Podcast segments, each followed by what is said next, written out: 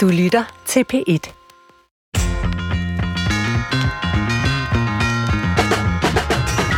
Det er sjældent, vi taler om samfundsklasser i Danmark.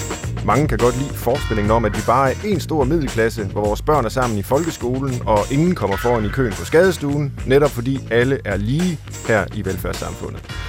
Men det er selvfølgelig forkert, for der er stadig klasser i Danmark. Masser af mennesker har hårdt fysisk arbejde og tilhører arbejderklassen, og nogle er helt udgrænset og tilhører underklassen. Men det er virkelig længe siden, at jeg har hørt danske politikere bruge de her ord. Arbejderklasse, underklasse.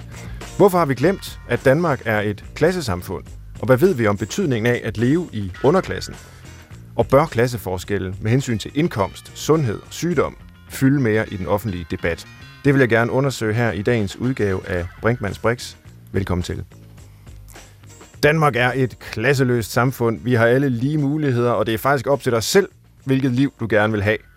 Det er sådan noget, jeg er blevet fortalt op igennem min øh, skolegang og opvækst, og i dag vil jeg jo nok kalde det en myte, men jeg vil lige spørge dig øh, til retlægger, Christoffer Heide Højer. Du er øh, yngre end mig, vokset op i nullerne. Var det nogenlunde samme mm. fortælling, der gik igen, da du øh, var ung? Altså det fineste, man kunne være i min generation, det har været mønsterbrydere. Mm-hmm. Øhm, det er jo, at man øh, alle skulle have en gymnasiel uddannelse, nærmest som minimum, og øh, skulle også gerne have en længerevarende længeregående hedder det vel, uddannelse, der afslører mit uddannelse nu. Men at i hvert fald var det ideen at uddanne sig til top, ja. og vi var et videnssamfund. Ja. Og Danmark, øh, det kunne ikke blive klogt nok og fint nok.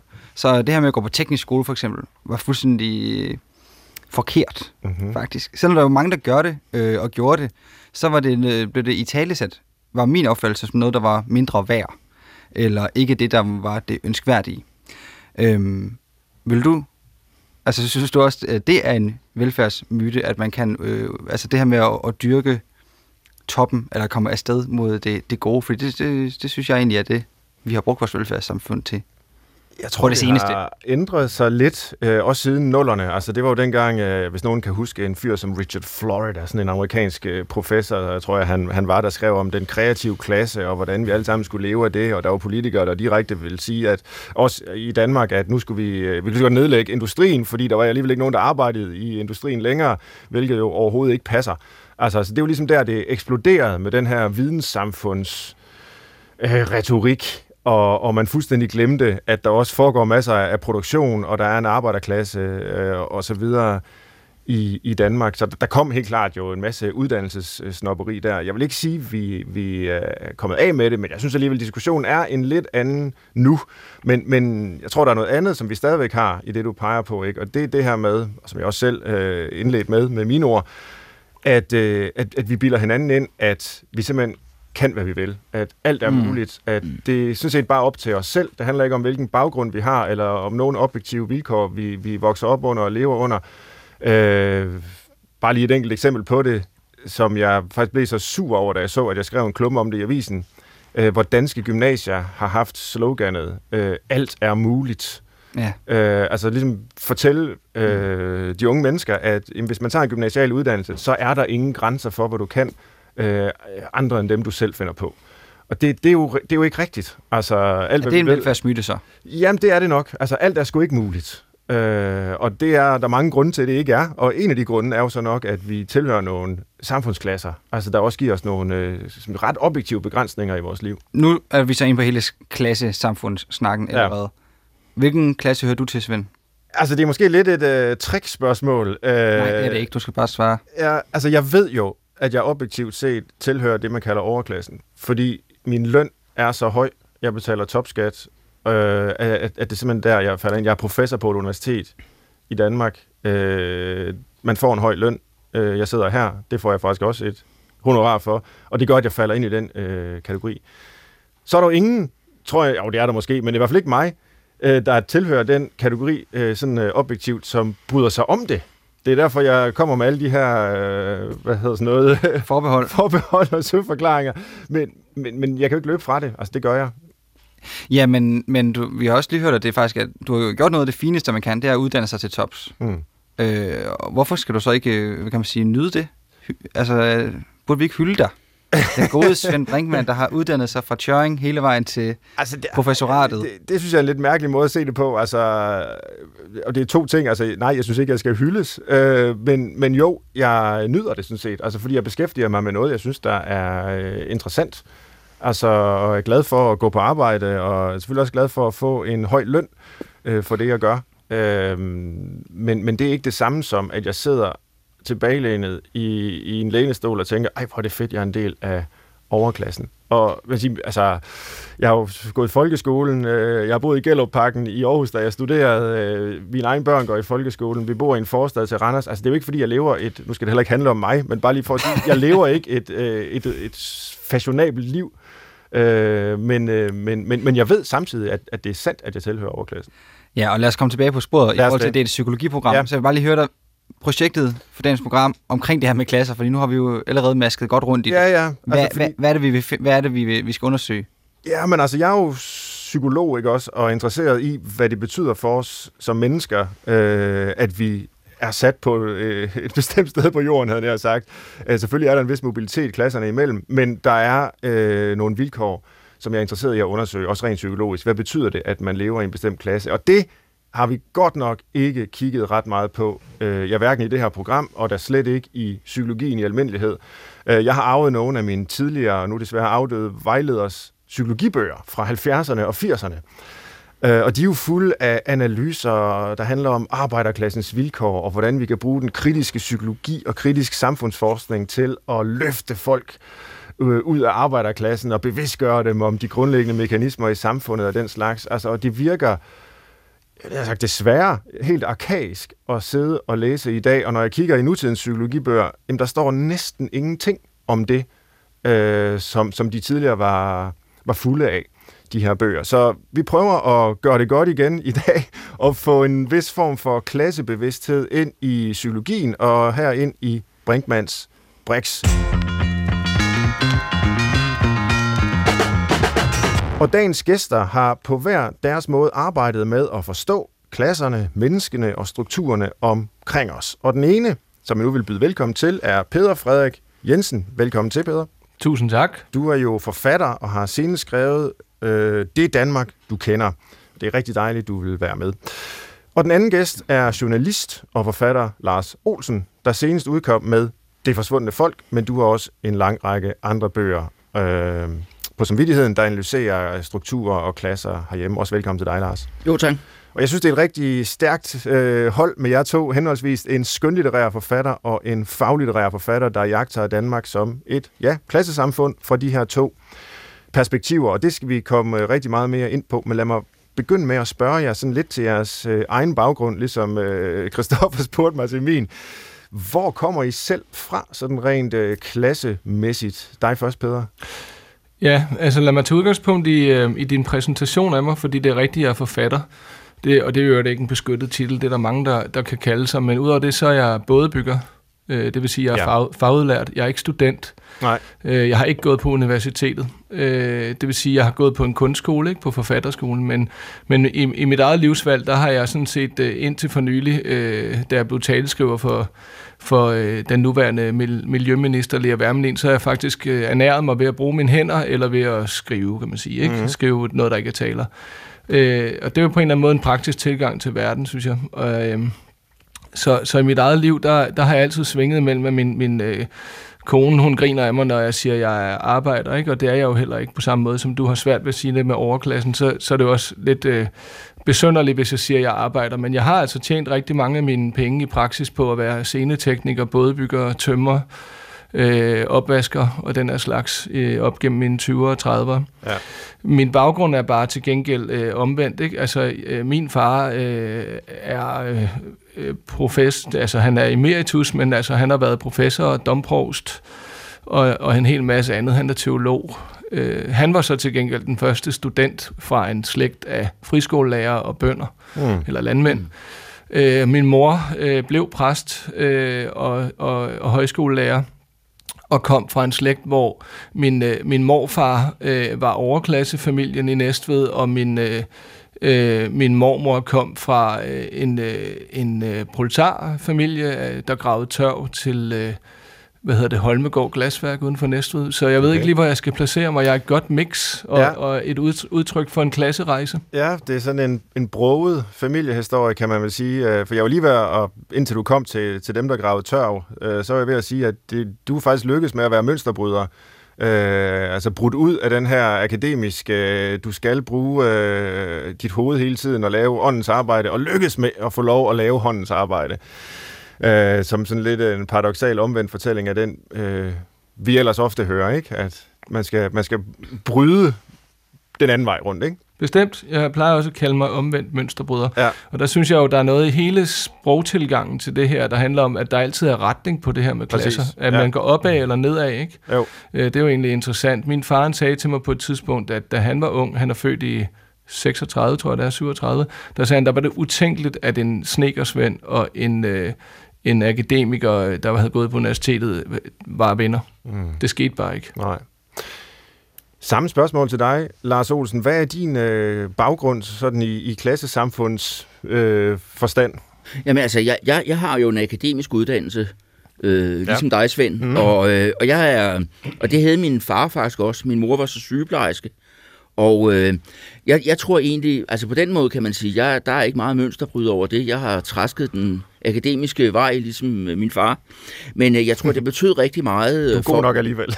det, jamen, det, det, betød faktisk meget for mig all, ja. allerede i folkeskolen, at jeg kom til at gå på sådan en blandet folkeskole og boede i et kvarter med hvor vi boede i et rækkehus, og overfor lå der nogle boligblokke, øh, hvor mine legekammerater boede, og øh, de fleste af mine øh, forældrene til mine kammerater var, kom fra arbejderklassen og sådan noget. Så jeg, jeg egentlig ret hurtigt opdagede jeg det der med, at der var nogle forskelle, og mm. jeg blev også optaget af det der med, øh, jamen, hvad er, er, er samfundet retfærdigt og sådan noget. Og derfor så var jeg også gevaldigt revolutionær, da jeg var ung, og er blevet lidt mere reformistisk med det gamle, med, med, på mine gamle dage, men, men, men har hele tiden ligget så lidt på den røde side. Mm. Øh, og det her begreb om klasserne, øh, nu har jeg præsenteret Danmark som et klassesamfund, på trods af den øh, trods alt relativt høje grad af lighed, vi har, i hvert fald med, hvis man sammenligner med, med, med mange andre lande. Hvor stammer, Lars Olsen, begrebet klassesamfund fra, og hele ideen om samfundsklasser? Men man kan vel sige, at det, det, det er jo sådan en gammel sociologisk tradition, og Karl Marx og Max Weber og nogle af de store sociologer har, har talt om det. Mm-hmm. Så gik der jo faktisk en del år, hvor, hvor det ligesom gled ud, og, og altså, øh, hvor, hvor selv venstrefløjen i, i, i 90'erne og 0'erne overtog den der idé om videnssamfundet, som vi også snakkede om i starten, og mm. hvor man havde en idé om, at, at, at der var også sådan øh, folk på venstrefløjen, der sagde det der med, at vi, vi former vores egen identitet, vi skaber vores eget liv. Altså det var næsten som at høre de liberale, øh, der, der, øh, der, der sagde en hver sin egen lykkes med. Og, og der har jeg været med til, øh, altså man siger, noget af det, der er min indgang til det her, det er, at jeg har været med til at lave nogle bøger sammen med Arbejderbevægelsens Erhvervsråd. Og den første hed simpelthen bare det danske klassesamfund, mm. og var et forsøg på at genopleve.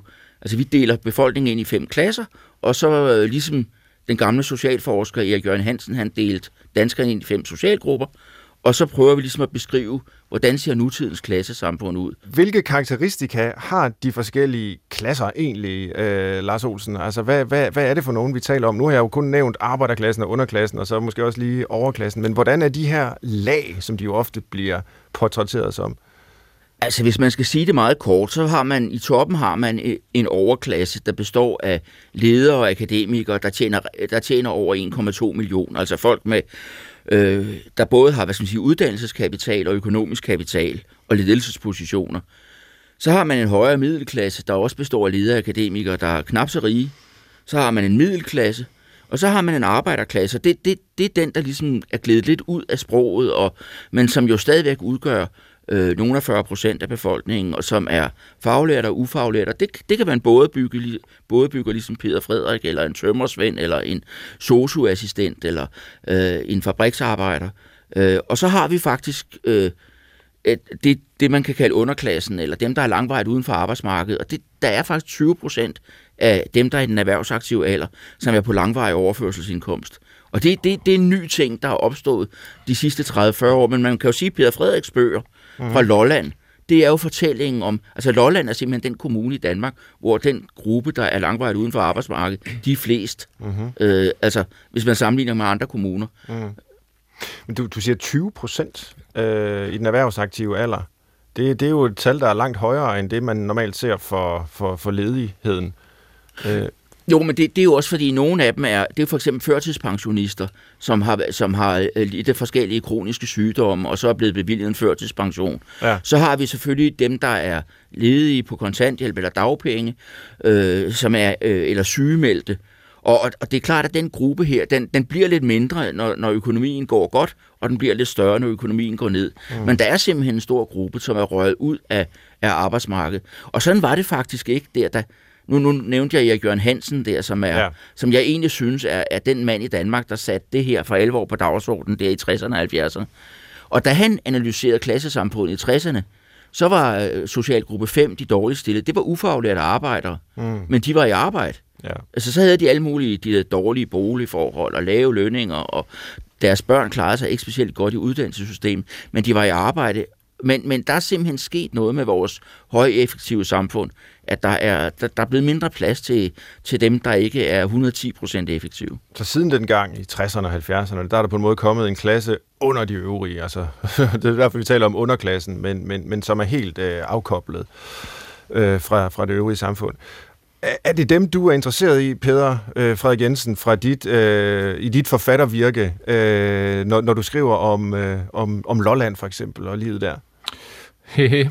øh, så det, er jo, det synes jeg jo er, det, det er jo rigtig tankevækkende, fordi at det er det på en måde, men, men øh, det, der interesserer mig primært, det er jo at fortælle historier. Ja. Altså bruge sproget til at, at forsøge at oversætte noget af det her, jeg selv oplever i, ude i verden. Altså min tilgang er jo er at rejse ud på en eller anden måde. Ikke? Jeg, jeg tog fra...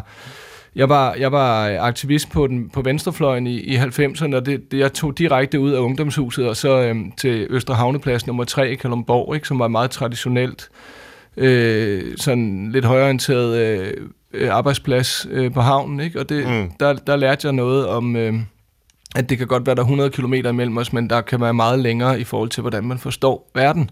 Mm. Og, og, og der ramlede jeg simpelthen ind i, i, det er jo meget velfungerende mennesker med en sund økonomi, men med et helt, helt anden tilgang til tilværelsen end, end min egen og det, jeg kendte. Og en helt anden tilgang til at, at forstå øh, tryghed og en hel række begreber.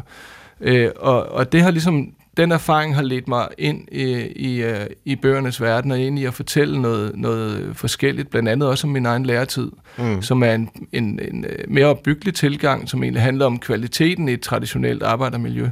Øh, og så siden da er der jo så også bare sket noget om ørerne på os, altså fra 1998 og til nu, der har vi, der har vi drønet igennem øh, et, et, et, et sindssygt vækstregime, ikke? hvor der er nogen, der er blevet utroligt dyre på at være held, eller rige på at være heldige at købe en lejlighed det rigtige sted, og en hel masse andre, der bare ikke har den mulighed i tilværelsen.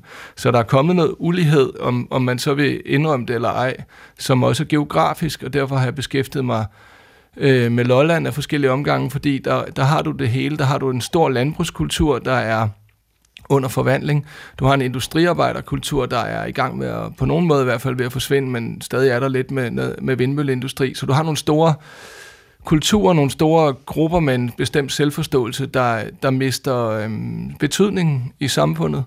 Samtidig med, at, øh, at, at, at øh, der skete det i, øh, i slut 80'erne, at man øh, der opstod et behandlingscenter, der hed Egeborg, og der, der kom rigtig, rigtig mange stiknarkomaner fra København til, til Vestlåland på meget kort tid.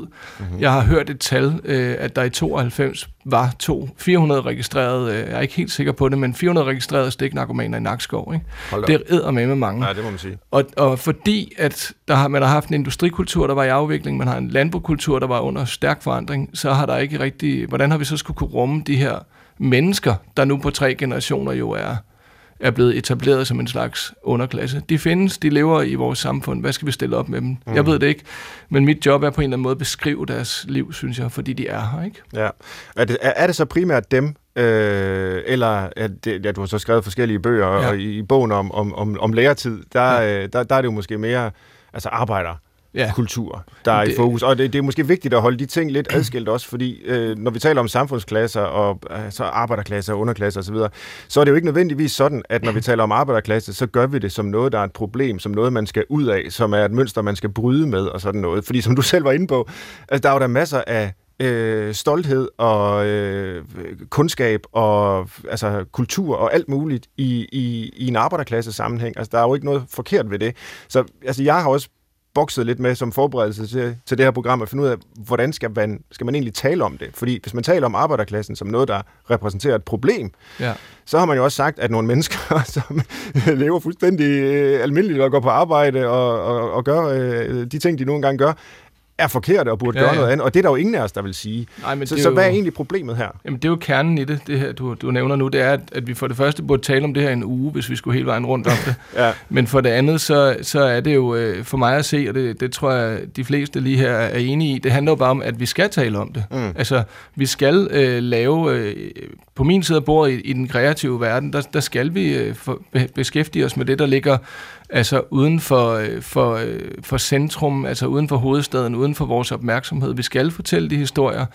Altså nu, nu sidder vi lige midt i det her Trump-æra lige nu, ikke? Altså der, ja, for mig at se, at der er jo utrolig meget i verden, der peger på, at vi har været for dårlige til at beskæftige os øh, på, øh, på de her niveauer, hvor det handler om fortællingerne, om at respektere øh, den kultur, der ikke lige er ens egen. Øh, det, har vi, det har vi svigtet gennem øh, en, en generation eller to, mm. tror jeg. Lars Olsen, du har markeret. Jamen, jamen jeg tror, altså, jeg, jeg er meget enig i, at arbejderklassen, det er, det er, jo, det er jo altså en rigtig vigtig del af vores samfund, øh, fordi vi netop stadigvæk har en produktion. Vi har også øh, nogen, der skal passe vores gamle mor på plejehjemmet, og altså hele det der med, at de faglige uddannelser blev talt ned mm. øh, i, i, i nullerne, det var, det var noget af skidt. Men, men det, der er, man kan sige, der er det store problem for arbejderklassen, øh, og som jeg blev meget opmærksom på det der i løbet af de sidste 5-10 år, hvor jeg rejste rundt og holdt rigtig mange foredrag i ude i lokalafdelinger af 3F og FOA, og altså i... Øh, øh, forblæste industrikvarterer mm. uden for Silkeborg og så videre. Ikke? Altså, der er, øh, folk er blevet enormt utrygge. Vi kan mm. også se det i, i de der tryghedsmålinger, Trykfonden laver. Men det der med, at man bare afvikler efterlønnen og hæver pensionsalderen, og tror, at vi kan da alle sammen arbejde til, 70, til vi er 70, fordi vi har job bag et hæve sænkebord. Det, det, det, sådan fungerer det ikke ude i virkeligheden. Og noget andet, der også er et kæmpe problem, det er, den måde, de sygemeldte bliver behandlet på. Altså det der med, at hvis du bliver, bliver syg, så kommer du ind i nogle nogle gange nærmest endeløse forløb på mm. jobcentrene med alle mulige ressourceforløb osv. Og, og, og, og det betyder simpelthen, at, at altså, den her forestilling, vi havde om velfærdssamfundet, der er der for os, hvis vi bliver arbejdsløse, hvis vi bliver nedslidte, hvis vi bliver syge, og når vi bliver gamle. Der skal samfundet være der for, for os, fordi det er derfor, vi, vi betaler så meget skat. Den er simpelthen begyndt at krakelere lidt ude i det, jeg vil kalde arbejderklassen, som ellers er velfungerende mennesker, og som øh, nogle af dem tjener jo rigtig, rigtig godt, mm. øh, og bor i parcelhus og så videre, men de er bare blevet meget mere utrygge, end de var for 10 år siden.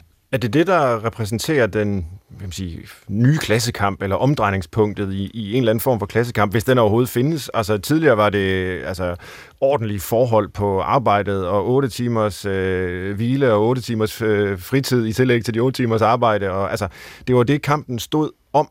Og, og, og, og nu er der så erhvervet øh, arbejderrettigheder og, og alt muligt, ikke også?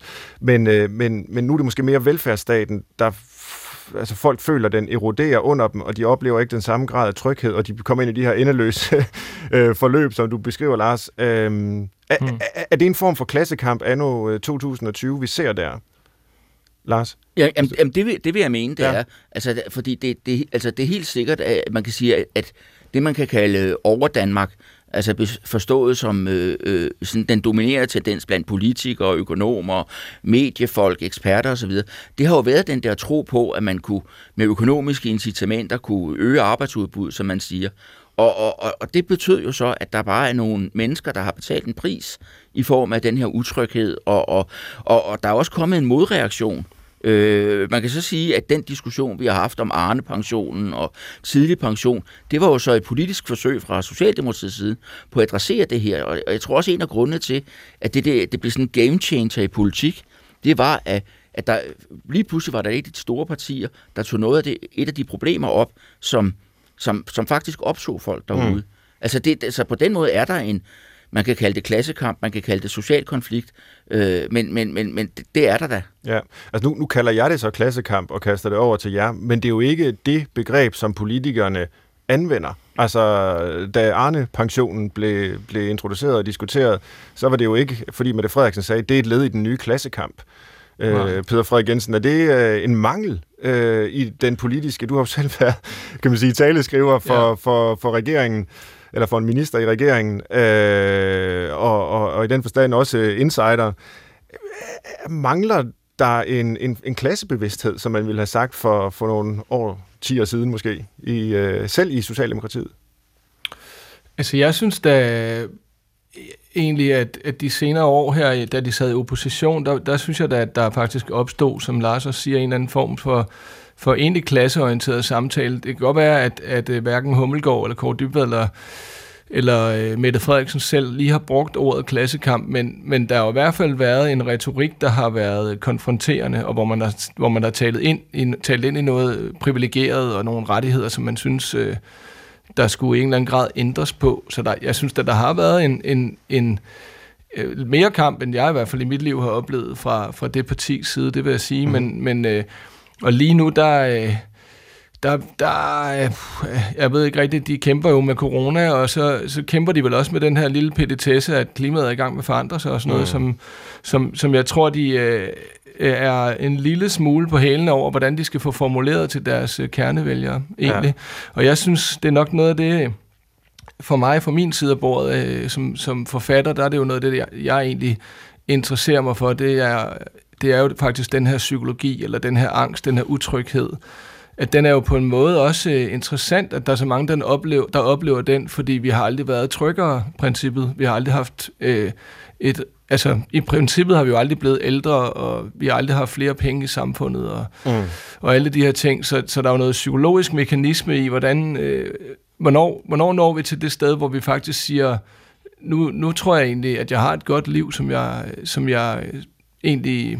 Altså, det, det, det er noget af det, jeg i hvert fald har tænkt lidt over. Og der, der, der sådan som jeg ser det, der er det fordi, at vi alle sammen kollektivt godt ved, at der er en eller anden form for, øhm, for meget stor forandring i gang i verden lige nu. Mm. Og den har ikke noget med Danmark at gøre, den har noget med ja, klimaet at gøre, men den har også noget at gøre med Afrika, den har noget at gøre med krigen i Syrien.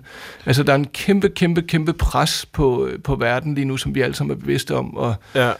Og ja. en af de måder, der bliver reageret på i de forskellige lande. Altså det kan jo så kaldes forskelligt. Øh, ofte bliver det omtalt som øh, populisme, ja. øh, som at man skuer indad, som at man vil gøre America great again. Ikke? Altså tr- øh, Trump blev valgt som øh, præsident, og vi ser i øh, Brexit og forskellige øh, populistiske strømninger i, i adskillige europæiske lande. Altså det er vel en form for reaktion mod det der, som sjældent bliver talt om som del af en klassekamp, men måske oftere ud fra en konfliktlinje mellem folket og eliten. Mm-hmm. Ja. Øh, og det er også en distinktion, øh, du bruger, Lars. I men, altså, jeg mener jo, der er en social konflikt ja. på den måde, at øh, og, der, og, når, og når vi, vi har det der, hvad skal man sige, populistiske øh, øh, opbrud, vi har kunne se de sidste fem år, øh, så er, har det jo noget at gøre med, at, at store befolkningsgrupper, og ikke mindst øh, arbejderklassen, har følt sig overset. Kan vi prøve at bevæge fokus en lille smule fra de her, hvad kan man kalde det, måske sociologiske analyser af, af klasserne, og øh, ja, hvad de er for nogen, og hvor mange der tilhører dem, og så se lidt på de psykologiske konsekvenser af at, at leve i for eksempel en arbejderklasse, eller decideret et underklasse miljø. Øh, Peter Frederik Jensen, hvis, ja. hvis vi begynder med dig, altså det er jo noget af det, du også skriver om. Øh, hvad betyder det for mennesker at tilhøre et, for eksempel et underklassemiljø? Jamen, øh, ikke for eksempel. Hvis, Nej. sådan som jeg ser det, så øh, med, øh, og jeg er jo en gæst i, i underklassen, øh, så jeg er på den måde jo, det er jo kun, hvad jeg ligesom oplever, jeg har set eller beskæftiget mig med at læse lidt om og sådan noget. Ikke? Men der synes jeg, at det, som jeg tror er, er, er helt afgørende, det er, at at det er vildt svært at kæmpe sig tilbage igen, hvis man, hvis man for eksempel har øh, diagnoser, hvis man er syg, hvis man har, øh, hvis man har øh, lider af hvad skal man sige, er psykisk belastet på alle mulige forskellige måder. Altså, der ved, det ved du mere om, end jeg gør, Svend, men det, men det giver jo alt, alt det der, det håber sig jo op i et menneske.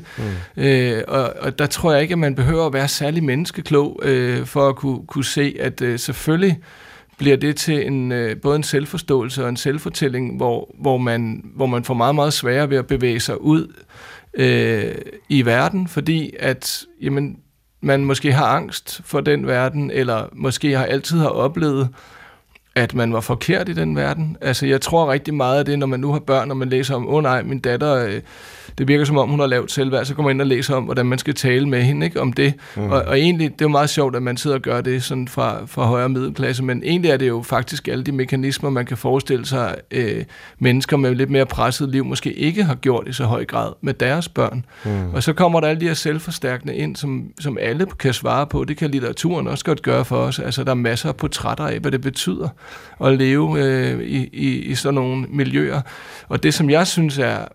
Øh, for mit vedkommende og i mit arbejde, der ligger der det her med at konfrontere middelklassen med, med det, vi undlader at se. Ikke? Og det vil sige, prøve at beskrive det med høj ærlighed og solidaritet, men det er ikke det samme som at sige, at det her det er godt, eller at det er et ordentligt liv nødvendigvis. Men det findes, og der er nogen, der har det her liv, de står op til hver dag. Mm. Og jeg tror, det psykologiske niveau i det er jo sådan set det, der er, er, jeg på nogen som helst måde kan udtale mig lidt om, fordi det, der har litteraturen jo et, et ben inde i psykologien og omvendt. Ikke? Ja. Øh, og jeg synes, at øh, det, det er ret trist at se nogle af de her ting. Det er trist at se de her skæbner. Det, det, er, jo, det er ikke særlig sjovt at, at tænke over, at, at, øh, at vi overlader mennesker til... Øh, til det her, men måske er det også svært at sige, hvad skal vi ellers gøre? Hvad kan, hvornår holder samfundets ansvar op? Og sådan noget. Det er jo et kæmpe store spørgsmål, mm. egentlig. Lars, du var lidt inde på det her med, at man bliver tvunget ind i nogle øh, aktiverings- og ressourceforløb, og hvad det sammen hedder, som der efter sine ikke er særlig stor øh, succes med herhjemme. Øh, øh, og, og, og det giver en elementær utryghed. Øh, er, er det utrygheden, der ligesom er den væsentligste psykologiske parameter øh, i, hos mennesker, der, der på den her måde bliver, bliver udgrænset, eller er der andre faktorer i spil, øh, hvor man kan sige, her, her risikerer mennesker simpelthen at, at lide skade rent øh, psykisk? Um, der, der tror jeg, at, at man, man, man i hvert fald sådan lidt forenklet skal skelne mellem dem, der er langvejt uden for arbejdsmarkedet, altså underklassen, som jeg synes, Peter Frederik han, han beskriver ganske godt ja. øh, lige før, og så arbejderklassen. Fordi arbejderklassen, det, det, det er jo lidt, lidt underligt, ikke? fordi det på den ene side er det nogle folk, de, de tjener jo okay. Mm. Nogle af, de fleste af dem har en faglig uddannelse, de, de har faktisk et, et fag, de kan. De har en stolthed ved det. Men så føler de, at, at, at de ikke, der er ikke nogen, der, altså de føler sig hjemløse fordi at, at, at der er ikke nogen, der i en lang periode talte deres sag. Ligesom, altså der, der var den der myte om, at vi levede i et klasseløst samfund, og, at, øh, og man kan sige, at der hvor jeg oplevede det meget, meget stærkt, da jeg var ude og holde de der foredrag, det var under øh, Torning og Korridoren, hvor jeg tror, jeg utallige gange fik det spørgsmål, der hedder, hvorfor har vi en rød regering, der fører blå politik? Og der var også utallige gange, hvor nogen sagde, det var sgu os, der sørgede for, at de kom på, til magten, og nu skider de på os. De gider ikke engang høre på os. Ikke? Altså, der, der var simpelthen en bitterhed mod øh, politikerne, ikke bare mod Socialdemokratiet, men mod Christiansborg, som jo også fik øh, nogen til at holde være med at stemme, og nogen til at stemme på enhedslisten, og nogen til at stemme på Dansk Folkeparti. Og, og det, er der, ah, nu, nu snakkede vi socialdemokrati før, men det er der, der faktisk sker et stort skifte med dem, der den nye generation med Mette Frederiksen, der kommer til, altså dem, man kan kalde de unge på 40, fordi de faktisk orienterer sig imod den her gruppe, som har følt sig hjemløse, og som også er hjemløse i rigtig mange andre lande, fordi øh, mange andre venstrefløjspartier stadigvæk hænger fast i den der lidt, lidt øh, den der retorik, hvor klasserne er væk. Altså det der med, at man ikke, man ikke føler sig set og repræsenteret, det tror jeg og der ikke er nogen, der ligesom taler ens sag, det tror jeg betyder meget for, for det, der er i gang. For mange af de ældre arbejdere er jo vokset op med de røde faner og mm. de stærke fagforeninger og de store demonstrationer osv. Ja. Men jeg tror helt klart, altså, jeg, jeg, jeg er helt sikker på, at det, at det har rigtig meget at sige, den her følelse, du snakker om nu, Lars Olsen. Altså, den er jo super vigtig, øh, hvis man hvis, fordi, altså, nu er jeg jo, jeg er jo 42, ikke? Men, men, men i min forældres generation, der har der jo været stærke fortællinger. Der har, været, øh, der har ligesom været en arbejderklasse, der fik et museum, der, og så videre, så videre. Der har hele tiden været fokus på, at, at mennesker fandtes, men, men jeg ved ikke rigtigt, om den holder vand, den her, men, men måske det er også det med, at det bliver, det bliver jo periferi, altså folk skubber sig lidt væk fra hinanden. Jeg, jeg bor på Vesterbro, som som jo nu er gentrificeret og, og meget, vel nærmest det dyreste sted i Danmark at bo, tror jeg, at købe en lejlighed per kvadratmeter. og da jeg flyttede ind som 17-årig, der var det jo, der var det jo arbejderboliger med... Øh, altså lige før byfornyelsen. Og når jeg fortæller folk, der er lidt yngre end mig om det, så tror de, det er jo løgn, at man i 90'erne ikke havde øh, bad og altså havde koksovn og sådan noget. Ikke? Og der, der, der er ligesom om, at, at med den der gentrificering, der, der røg arbejderklassen også ud af vores øh, fælles øh, fortælling, og og jeg har i hvert fald oplevet lige siden jeg kom til Kalumborg, at, at der er utrolig meget, øh, der ikke bliver sagt og ikke bliver vist og ikke bliver præsenteret, og når det gør, så bliver folk det er måske blevet lidt bedre nu, men der var en tendens til, at, at så blev øh, håndværkere præsenteret som øh, sexistiske, som idioter, som øh, bøvede, Øh, og, og det er jo totalt øh, fuldstændig skævt. Altså, det er jo, mm. det er jo super mange øh, mega dygtige mennesker. Altså det at arbejde med et materiale, det at kunne synke ind i den her tilstand.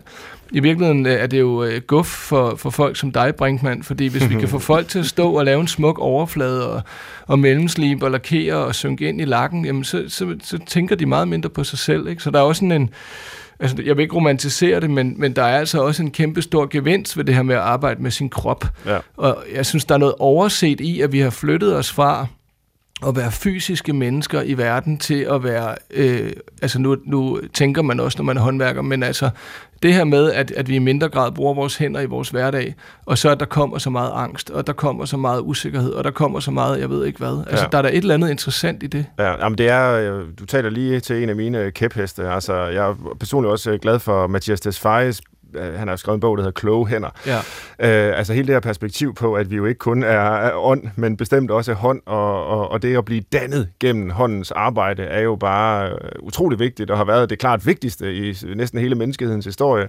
Og så har vi bare på et eller andet tidspunkt for ret nylig besluttet os for, at det ikke er nær så fint øh, som vi synes før. Og det, det er jo kæmpe tab. Altså, og, jeg, og jeg tror ligesom du, at det vil altså, komme rigtig mange mennesker til gavn, hvis det blev talt op igen. Altså også helt konkret i forhold til øh, angst og stress og depression. Altså det at være engageret i verden øh, gennem sine øh, hænder og sin krop, øh, ja. er jo fundamentalt velgørende simpelthen, udover det også kan være nyttigt at give en, en indkomst og ja. alt det slags. Nå, Lars, du markerede for længe siden, Nej, nej jeg, jamen det, er, det var mere i forhold til det, Peter Frederik ja, siger. Ja.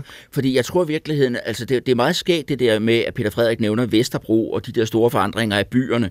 Fordi øh, jeg, den bog, jeg sidder og ved at lave sammen med Arbejderbevægelsens Erhvervsråd, der har vi lavet sådan nogle Danmarkskort, hvor vi har prøvet at kigge på, hvor, hvor, bor de, hvor boede de forskellige klasser øh, for 30 år siden, og hvor bor de i dag.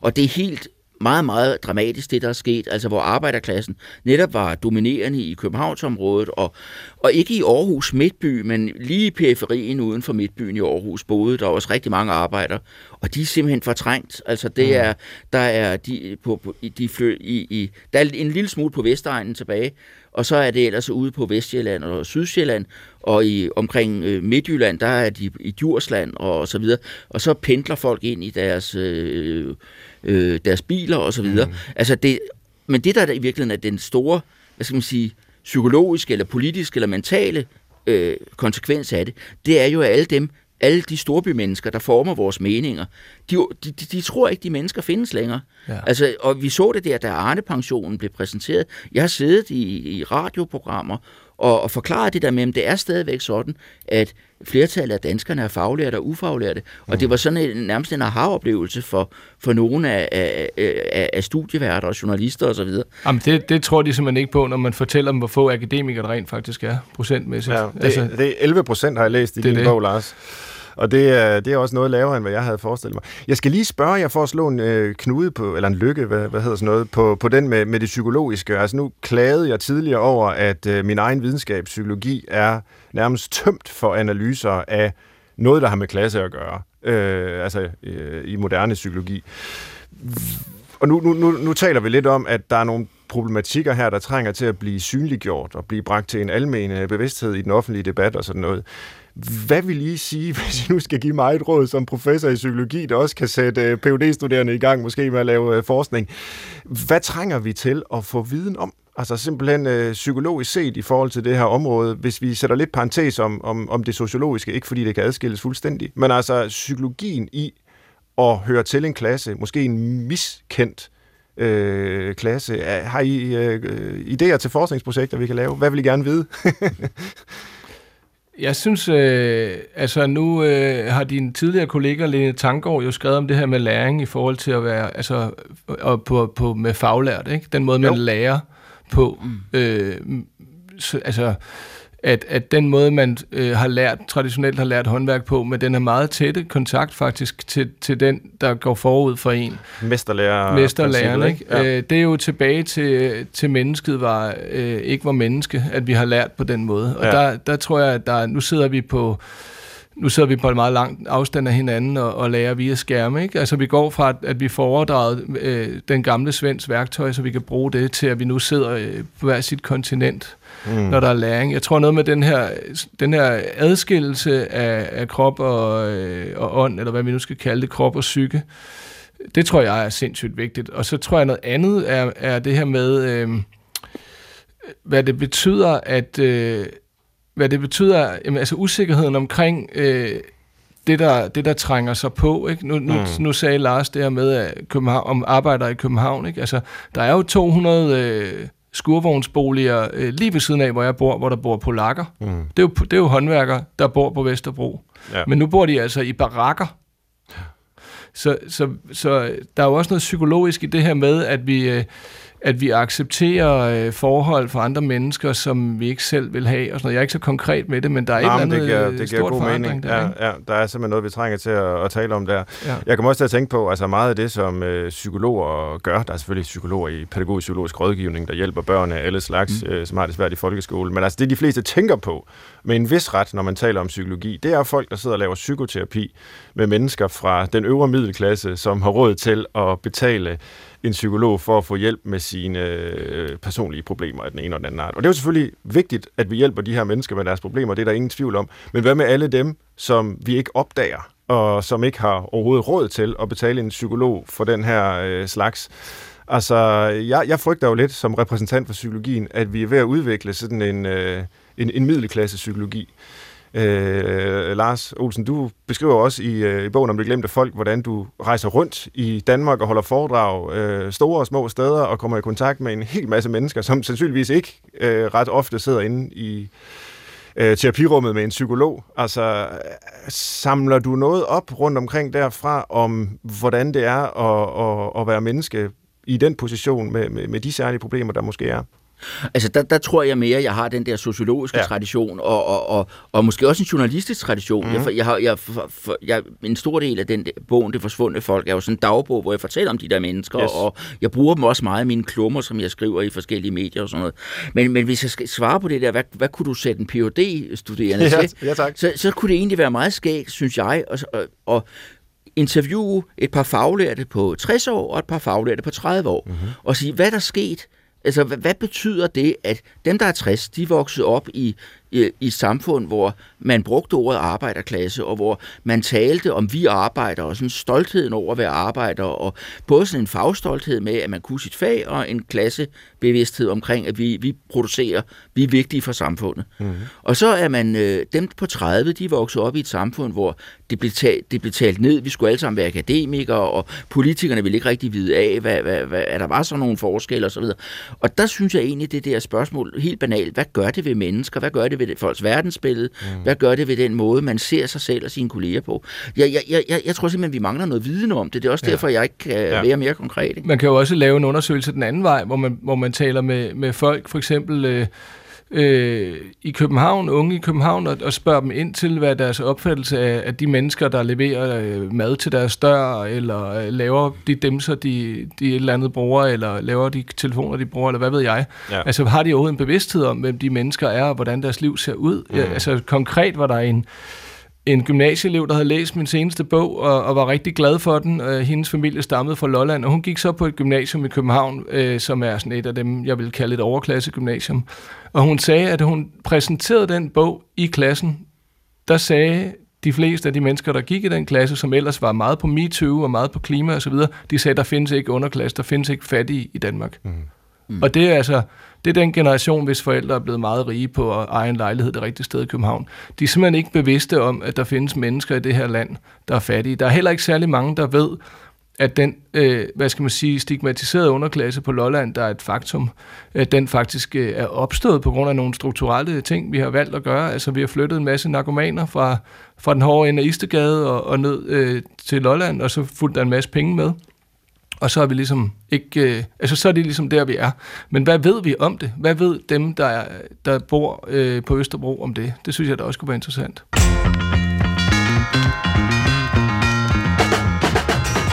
Du lytter til Brinkmanns Brix på P1, hvor vi taler om Danmark som et klassesamfund. Og med mig er forfatter Peter Frederik Jensen og journalist Lars Olsen.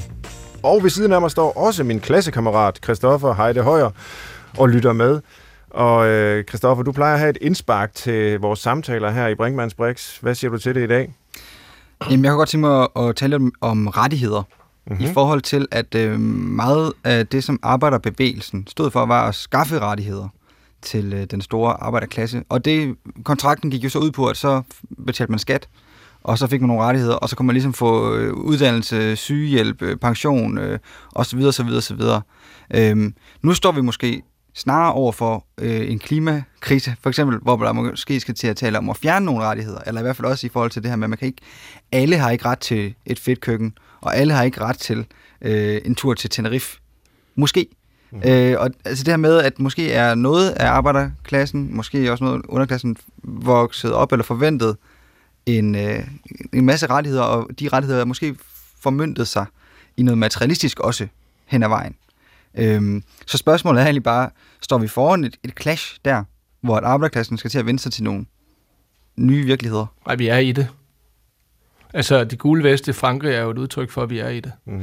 Altså, det er jo, øh, altså, hvis man lige skal sige, hvad det handlede om, så var det jo altså dybest set, da alle de frustrationer, som Lars Olsen taler om, øh, tror jeg, øh, ikke fordi jeg vil lægge dig over i munden, Lars, men, men det tror jeg, øh, blandet med, med de her konkrete tiltag fra Macron, hvor han øh, lagde afgifter på diesel og benzin. Og det betød, at de mennesker, der kørte længst, som typisk er øh, arbejderklassen, øh, fik højere udgifter til, til deres daglige transport, samtidig med, at de dem, der var måske dårligst lønnet, og hvis huse og lejligheder havde lavest værdi.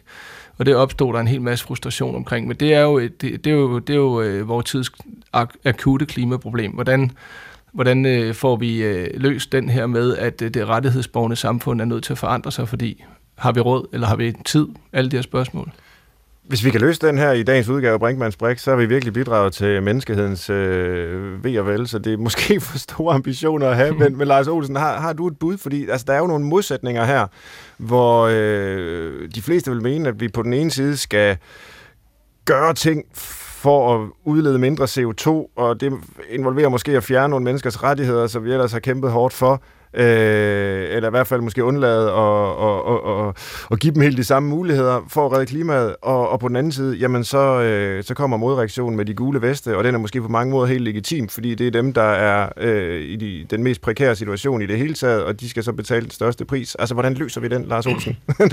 jamen, jamen, det, det, er, det er jeg faktisk rigtig, rigtig bekymret for, det ja. er det, jeg vil sige, ikke? fordi ja. at der er, der er også nogle både sociale og geografiske spændinger i det her, fordi der er også hele det her, altså på det her storby kontra, mm. øh, øh, jeg vil ikke engang sige udkant, men øh, kontra resten af landet. Altså, øh, der, der, der, det kan godt være, at vi ikke er enige om det, os der sidder i det her program, men der er, jeg, jeg, jeg, mener, jeg er jo helt enig i, at vi skal gøre noget, og vi skal nedbringe vores CO2 og så videre, men jeg tror også, det er vigtigt, at man bliver nødt til at have bare en lille bitte, bitte, bitte smule tålmodighed med det, på den måde, at, øh, at, at hvis man nedlægger en hel masse produktionsjob øh, ude, i, øh, ude i, øh, i, i, i, i provinsen, uden at der er nogle nye grønne job, der kan erstatte dem, så får man det socialt oprør. Altså mm. øh, tilsvarende, hvis man gør det enormt dyrt at køre i sin øh, benzinbil, på et tidspunkt, hvor der ikke er elbiler eller ladestander nok, mm. til at det kan gøres meningsfyldt ude i landet, så får man også et socialt oprør. Altså jeg tror, man, er, man, er, man, man skal passe på, at man ikke sidder i en, en eller anden storby, hvor man bare kan køre, køre på cykel og, og, og tage den kollektive trafik, og så løfter den grønne fane mm. øh, meget, meget højt. Altså der tror jeg, at man er nødt til bare at sige, det her, det skal, vi skal gøre noget, og, og det skal også gå hurtigt, øh, men, men vi skal operere med noget, der, der, der måske skal, i hvert fald har 10 år øh, til at arbejde med tingene. Men der er det jo, der er det jo øh, tror jeg, at, at der er et kæmpe problem, fordi at at øh, man må sige, at øh, midten af, af, af politik og erhvervsliv osv. osv. osv. har jo brugt 20 år på at ikke at tage den samtale, som de burde have taget. Altså, det er jo det, der for min generation er fuldstændig grotesk. Altså, det har jo ikke været, altså, i min generation, der tror jeg ikke, at der er så mange, der har været i tvivl om, at det her det blev vores helt store plage. Og, og jeg synes, fra jeg var helt ung, bare jeg har været vidne til, at, at, at at måske af psykologiske grunde, at man simpelthen har nægtet at, at, at, at sige, at det var rigtigt. Ikke? I stedet for, så skulle vi vækste, og vi skulle have køkkener, og jeg ved fandme ikke hvad. Så derfor er problemet med det der øh, jo, at, at tiden render også altså af hænderne. Ikke? Øh, aktivt er, er hvad hedder det, undergrunden i, i Arktis ved at, at, at blive blød, ikke? så nu kommer der altså metanudledninger, der er fuldstændig groteske. Ikke? Altså, det er jo det, der er problemet i det, det er, at vi, vi er kommet alt, alt, alt for sent i gang. Og der ligger jo også en psykologi der, helt klart. Og der ligger også en, en hensynsfuldhed i forhold til, hvordan vi så skal ligesom komme i gang med at sige til folk, at det her, det sker altså. Det kan godt være, at vi er kommet til at sige til en 20-30 år, at det sker ikke, men det sker faktisk. Og, og det er jo ikke øh, mit eller, eller vores ansvar at komme i gang med at sige det, men det, det er der nogen, der snart skal, skal tage at gøre, tror jeg, fordi ellers så kommer der et meget stort, massivt pres. Ja. Lars? Ja, jeg mener, man gør noget. Det er rigtigt, at vi skal ja. have mere fart på, men, men, men jeg, jeg synes faktisk også, at Mette Frederiksen og dem har en pointe i, når de siger, at, at vi skal være foregangsland for resten af verden, og hvis vi vil være det, så må vi også vise, at man kan gøre det her med den sociale retfærdighed og sammenhængskraft intakt. Ja. Så, har de, så har de efter min mening simpelthen en point. Vi må nok parkere lige præcis øh, klimakrisen der. Programmet øh, nærmer sig sin afslutning, men der er et, et par ting, jeg gerne vil nå at spørge jer om inden, og en af de ting, det er om det her klassebegreb og hele diskussionen om social konflikt, altså om den også når vi har haft den her i den seneste times tid, i virkeligheden handler for meget om øh, økonomisk kapital, altså mm. økonomisk øh, ulighed, som jo er en realitet, og som også er vokset, øh, både herhjemme og øh, i rigtig mange lande i, i verden. Men hvad med, altså ja, noget af det, vi faktisk underviser de studerende i når, på det her område, det er jo så Bourdieu, en berømt fransk sociolog, som øh, udviklede sådan en, en flerhed af kapitalbegreber, hvor det ikke kun er økonomisk øh, ulighed, der kan være, men også øh, kulturel og social og alt muligt, ikke også? Altså, øh, fordi han mener, der også var, eller han mente, nu er han jo død, øh, altså social kapital, adgang til de rigtige personer, det rigtige netværk, og kulturel kapital, altså kunne knække koderne for, hvordan man skulle tale i folkeskolen, for at lærerne gav en en høj karakter, osv. Det handler ikke nødvendigvis om, hvor mange penge du tjener, men om, hvor mange bøger, der står på dine forældres bogreol, og alt den slags. Altså, hvordan ser I på det? Er det her, vi, vi taler om som øh, sociale konflikter i Danmark, øh, og måske i, i Vesten i det hele taget, primært et spørgsmål om økonomisk ulighed, øh, og, og hvor meget betyder det andet, som, som en fyr som Bourdieu øh, satte fokus på, Lars? Jamen, jeg mener, det er begge, øh, hvad skal man sige, at der er en økonomisk ulighed, der er en økonomisk elite, og der er en, en kamp om, om de, de økonomiske, hvad skal man sige, en social konflikt om økonomien, men der er ved Gud også en uddannelseselite, mm. øh, og den kan vi også se i vores øh, bøger øh, og undersøgelser og sådan noget. Og, og hvis, man, hvis vi tager for eksempel det, vi startede programmet med at snakke om, det der med den der idé om, at vi bare var et videnssamfund, hvor man ikke lavede noget praktisk, det er jo, ikke, det er jo faktisk ikke erhvervslivet, det er ikke den økonomiske elite, der finder på det. Mm. Det er snarere en eller anden form for akademisk elite, der importerer nogle angelsaksiske begreber om øh, knowledge economy og sådan noget. Altså, og, og mm. man kan sige, hvis man ser det fra sådan et snævert erhvervssynspunkt, så er man jo, erhvervslivet er interesseret i at have nogle faglige uddannelser. Det er jo, det, er jo deres arbejdskraft og de, de, de, de tekniske skoler bliver drevet af arbejdsmarkedets parter.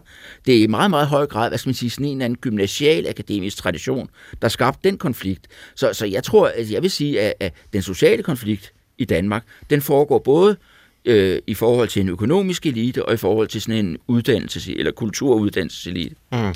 Som jo ofte er koblet, men ikke øh, nødvendigvis er det. Altså man taler jo også om øh, ekstremt veluddannede humanister i Danmark, som øh, har de rigtige bøger på bogreolen og går til de rigtige koncerter og, og måske kender folk i, øh, hvad ved jeg, Indre By i København, der har ledende stillinger i medieverdenen, men som tilhører det, som man i hvert fald i den internationale litteratur kalder prekariatet. Altså som egentlig har midlertidige ansættelser. Øh, Lars, jeg ved fra din bog, at du mener måske, det er et lidt øh, over fokuseret begreb, eller det er ikke det store problem herhjemme, øh, men, men, men, men mere for at sige, at altså, nogle mennesker har høj kulturel kapital, men faktisk lav økonomisk kapital, og vice versa. Altså, det behøver ikke at hænge sammen. Er det noget, du har været interesseret i, øh, Peter Frederik Jensen?